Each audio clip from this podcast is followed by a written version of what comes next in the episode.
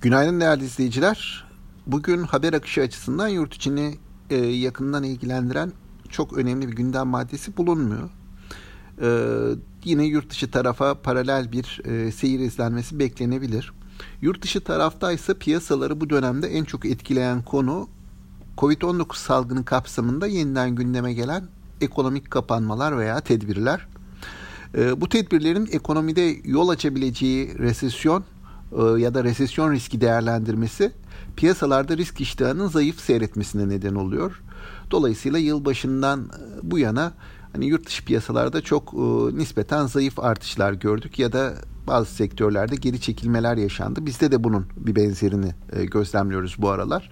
E, burada hani detay vermek gerekirse özellikle bankacılık ve havacılık şirketleri bu ihtimalden en fazla etkilenen sektörlerin başında geliyor.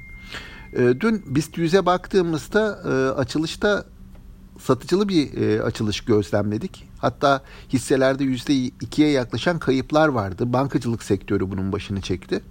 Sonrasında bu seviyelerden alımlar geldiğini, bir toparlanma geldiğini gördük.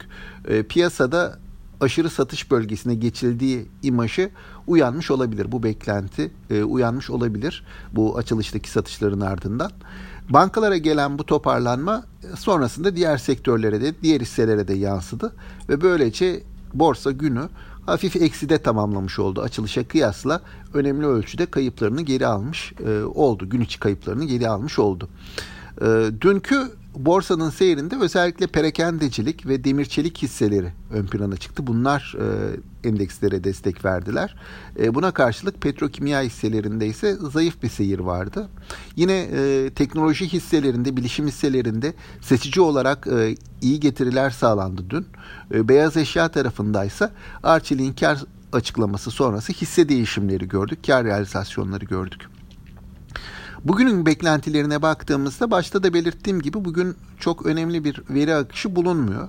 Yurt dışı tarafa baktığımızda orada FED'e ilişkin faiz e, politikasına ilişkin bugün bazı açıklamalar gelecek. E, bunu piyasa e, yakından takip edecek. ABD endeks vadelilerinde bu sabah itibarıyla bilişim hisseleri hariç genelde eksi bir eğilim hakim. Yine e, güne hafif satışlarla başladı ABD endeks vadelileri. Benzer bir seyir Asya endekslerinde de e, görülüyor. E, bizim de Borsa İstanbul olarak e, yurt dışına paralel bir şekilde güne hafif bir şekilde hafif bir satıcılı seyirle e, başlayabileceğimizi düşünüyorum. E, dünkü e, kapanış itibariyle yine dünküne benzer hafif e, ekside bir kapanış söz konusu olabilir bugün içinde. Aktaracaklarım bunlar. Sağlıklı, bol ve bereketli kazançlı günler diliyorum. Seans sonrası yeniden görüşmek dileğiyle.